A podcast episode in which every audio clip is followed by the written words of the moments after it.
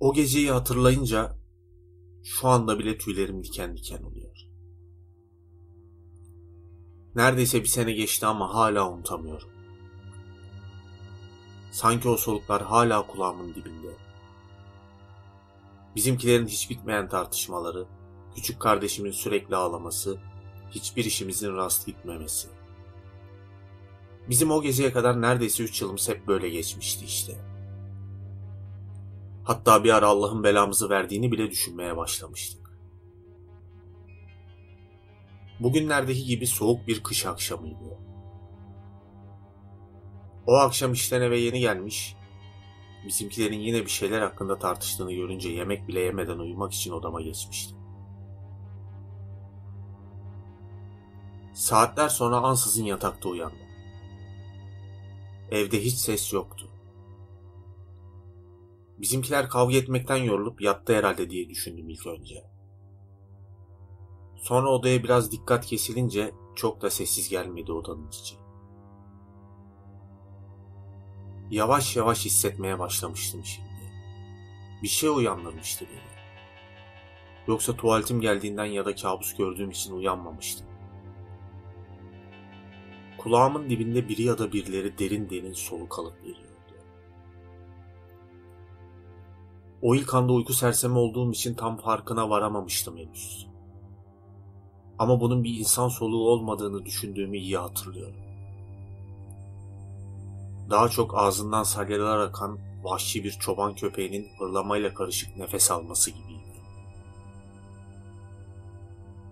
Onu göremiyordum ama hissedebiliyordum. O an rüyada olduğumu düşündüğüm için mi bilmiyorum. Ya da hayatımdan çok bıktığım için miydi onu da bilmiyorum. Ama kendimi o kadar bunalmış hissettim ki bir anlık öfkeyle in misin cin misin çık ortaya diye bağırdım. Daha cümlemi tamamlamadan kitaplıktaki kitaplar, onun üzerindeki vazo, süs eşyası falan ne varsa hepsi birden yere saçılmıştı. O sesler. Allah'ım nasıl çığlık atıp ağlaya ağlaya odadan çıktığımı, birden salonun ortasına yılıp krizi geçirdiğimi hatırlamıyorum. Kalbim yerinden çıkacak gibi olmuştu. Çok geçmeden bizimkiler yataklarından fırlamış, salonun ışığını açarak yanıma gelmişti. Annem sürekli suratıma kolonya serpiyor, neler olduğunu anlamaya çalışıyor. Birazcık kendime geldiğimde kekeleye kekeleye olanları anlattım. Ve o odaya bir daha hayatta girmeyeceğimi söyledim. Belki bu konularda inançlı bir aile olduğumuzdan ya da son günlerde onlar da evde bazı gariplikler yaşadığından hepsi bana inanmıştı. Sabah olduğunda ilk iş bir akrabanın tavsiye ettiği Davut Hoca diye birinin yanına gitmek oldu. Hoca hakkında çok bilgi veremeyeceğim maalesef. Ama o gün yaşadığım şoku başka bir yerde yaşamadım ben. Hatta o gece bile. Her neyse. Hocaya olanları anlatınca durumun bayağı acil olduğunu söyleyip bizimle birlikte eve gelmek istedi. Eve geldiğinde de ettiği dualar ve uzun aramalardan sonra sigorta kutusunun içine saklanmış kara kaplı küçük bir muska buldu.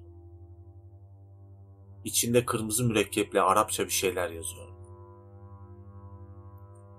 Hocanın söylediğine göre birisi ya da birileri ailecek bize huzursuzluk büyüsü yapmıştı.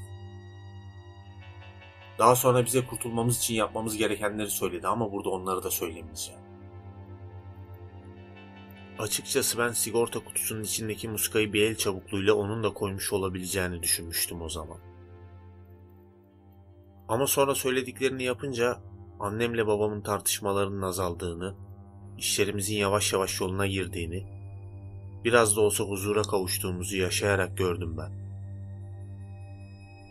Büyüyü kimin yaptırdığına gelince, bu konuda hoca net bir şey söylemedi. Biz de kimseye iftira etmek istemediğimizden çok üzerinde durmadık. Yalnız bunlar olduktan çok kısa bir süre sonra neredeyse 10 yıllık komşumuz Gülten teyze birdenbire mahalleden taşındı. Sonradan öğrendim ki hocaya gittiğimiz o gün anneme cin, büyü, peri gibi şeylerin insanlara musallat olamayacağını, beni bazen kendi kendine konuşurken gördüğünü, saçlarımın bu genç yaşımda beyazladığını, yani kısaca kafayı tırlattığımı iddia edip beni hastaneye yatırmalarını söylemiş. Bu detay büyüyü kimin yaptığını anlatıyor bence.